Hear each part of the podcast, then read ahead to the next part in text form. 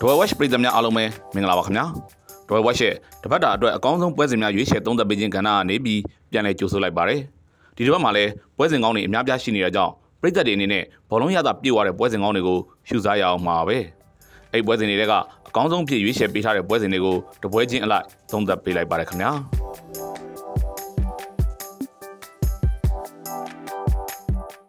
Brighton Liverpool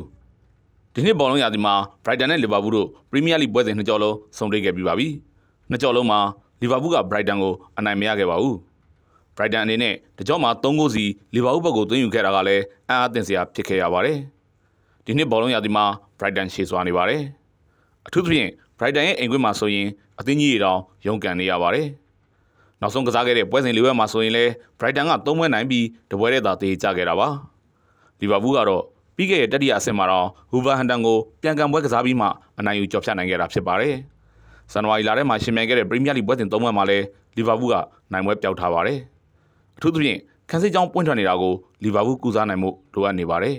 ။အသစ်ခေါ်ယူထားတဲ့ဂက်ခဘိုကလည်းလီဗာပူးနဲ့အဝင်ကွန်ကြဖြစ်နိုင်မှုအတွက်အသေးအတန်ကြိုးစားရတာတွေရှိနေသေးပါပဲ။ဖီယာရီအောက်ကနေရုံထွက်ခွင့်ရနိုင်မှုအတွက်လီဗာပူးဟာနိုင်ပွဲတစ်ပွဲမဖြစ်မနေလိုအပ်နေပါပြီ။ Trossard ကိုအာဆင်နယ်စီရောင်းထုတ်ပေးလိုက်တဲ့အချက်ကအခုလိုမျိုးအသင်းကြီးနဲ့ကစားရတဲ့ပွဲတွေမှာ Brighton ကိုရိုက်ခတ်လာပါလိမ့်မယ်။ Brighton ဟာအင်ရှင်ဖြစ်ခွင့်ရထားတာကြောင့်လီဗာပူးကိုချိန်နေဖို့မရှိပါဘူး။ Brighton ရဲ့တိုက်စစ်စင်ထိုးပေါက်မှုတွေကိုလီဗာပူးကဘယ်လိုနည်းစနစ်တွေနဲ့ဟန်တာထိန်းချုပ်လိမ့်မလဲဆိုတာကိုစောင့်ကြည့်ရဖို့ရှိနေပါတယ်။နိုင်ပွဲလိုအပ်တဲ့လီဗာပူးစီကိုနိုင်ပွဲတစ်ပွဲရောက်လာခြင်းတန်နေပါပြီ။လီဗာပူးကနိုင်သွားပါလိမ့်မယ်ခင်ဗျာ။ Man U Reading reading ကိုဥဆောင်နေတဲ့နီးပြကမန်ယူကစားသမားအောင်ဖြစ်ခဲ့ဘူးသူ Paul Ince ပါပဲ reading ဟာအဝေးကွင်းပွဲစဉ်တွေဆိုရင်ရုန်းကန်ရလေးရှိပါတယ်နောက်ဆုံးကစားခဲ့တဲ့ပွဲစဉ်၅ပွဲမှာဆိုရင်လည်း reading နိုင်ပွဲရခဲ့တာဆိုလို့တပွဲတည်းသာရှိခဲ့တာပါ reading ရဲ့လောအားနှုန်းဟာဇက်တိုက်ဆိုသလိုပဲအကြပတ်စီကိုဥတည်နေပါတယ်မန်ယူကတော့နီးပြအေးတန်ဟက်ရဲ့ဥဆောင်မှုအောက်မှာတိုးတက်မှုတွေကိုဇက်တိုက်ဆိုသလိုပဲရှာဖွေရရှိနေပါပြီမန်ယူတိုက်စစ်မှာရှေမြူးဂိုးမြူးဖြစ်နေတဲ့ Rashford ကို reading ခံစစ်မှုတွေခက်ခက်ခဲထိန်ရှုံရမှာပါ မန်ယူရဲ့အနိုင်ရလက်ကိုအနိုင်ဆုံးအဖြစ်နှစ်ဂိုးကိုမရှိလို့ယုံကြည်ထားလိုက်ပါတယ်ခင်ဗျာ Preston Spa နောက်ဆုံးကစားခဲ့တဲ့ပွဲစဉ်လေးပွဲမှာ Preston က၃ပွဲအနိုင်ရရှိခဲ့ပါတယ်ဒါပေမဲ့ Spa လိုပြန်ပြမျိုးကိုရင်ဆိုင်ဖို့ကတော့ Preston စီမှာလိုအပ်ချက်တွေရှိနေသေးပါပဲ Spa ဟာ PR အောက်ကနေရုံထွက်ဖို့ကြိုးစားနေတဲ့အသင်းမှာအဝေးကွင်းစီကိုတွားအောင်ကစားရတယ်ဆိုတဲ့တစ်ချက်ကလွှဲရင်ကျန်တဲ့အဖက်ဘက်မှာ Spa ကအပြတ်သားလွန်နေပါတယ် Preston အတွက်ကတော့ဂိုးပြတ်မရှုံးခဲ့ရင်ပဲကျင်းနေရမှာပါ စပါကိုသဘောကျနေမိပါတယ်ခင်ဗျာ Sheffield Wednesday Flag Down မကြသေးငါပဲလိတစ်မှာဒီနှစ်သင်းထိတ်တိုက်တွေ့ခဲ့ပါသေးတယ် Sheffield Wednesday ရဲ့အင်္ဂွေမှာ Sheffield Wednesday ကပဲတကူကိုမရှိဆိုတဲ့ရလဒ်နဲ့အနိုင်ရရှိသွားခဲ့ပါတယ် Sheffield Wednesday ကလိတစ်အမှတ်ပေးစရာရဲ့ထိပ်ပိုင်းမှာရှိနေပြီး Flag Down ကတော့တမ်စင်ယာရဲ့တိုက်ပွဲဆင်နွှဲရတဲ့အခြေအနေကိုကြုံဆုံရင်ဆိုင်နေရပါတယ်ပြီးခဲ့တဲ့အစင်းလုံးက Newcastle ကိုတော့အနိုင်ပြခဲ့တဲ့ Sheffield Wednesday ရဲ့စွမ်းဆောင်ရည်ကိုသဘောကျနေမိပါတယ်။ ရှက်ဖီဝါနစတေးဟာငကိုးကုန်မရှိလောက်နဲ့အနိုင်ရရှိသွားပါလိမ့်မယ်ခင်ဗျာဝါဆောလက်စတာ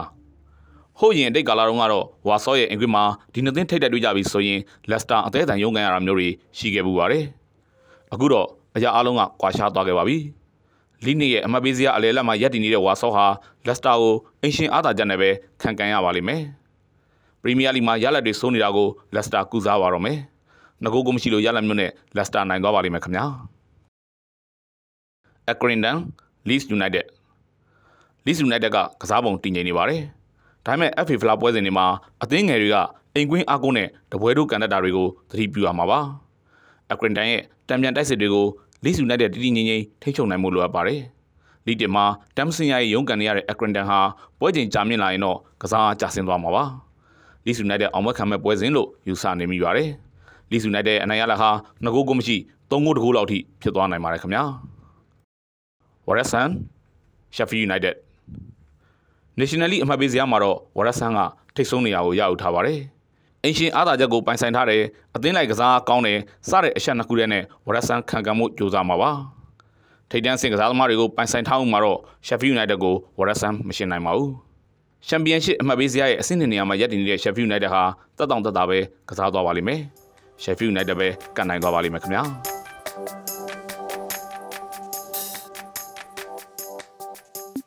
အခုဆိုရင်ဒီတစ်ပတ်မှာရှင်မြိုင်ကစားမယ်ပွဲစဉ်တွေကအကောင်းဆုံးဖြစ်နိုင်ရေးလို့ယူဆမိတဲ့ပွဲစဉ်ခုနှစ်ပွဲကိုစူစီရွေးချယ်ပေးလိုက်ပြီးဖြစ်ပါတယ်။ FA Flash ရုပ်ထအဆင့်ပွဲစဉ်တွေမှာတေရလက်ထွက်ပေါ်ခဲ့ရင်ပြန်ကန်ပွဲကစားရတဲ့စနစ်ရှိနေသေးဖြစ်လို့ဘယ်အသင်းတွေပြန်ကန်ပွဲရှင်ပြန်ရလိမ့်မလဲဆိုတာစောင့်ကြည့်ရဖို့ရှိနေပါတယ်။ဒေါ်ဝက်ရှက် တပတ်တာအတွက်အကောင်းဆုံးပွဲစဉ်များရွေးချယ်သုံးသပ်ပေးခြင်းကဏ္ဍကိုစောင့်ကြည့်အားပေးနေတဲ့ပရိသတ်တွေအနေနဲ့ကံကောင်းခြင်းတွေကိုရရှိပိုင်ဆိုင်နိုင်ပါစေကြောင်းလဲဆုတောင်းပေးလိုက်ပါရခင်ဗျာ။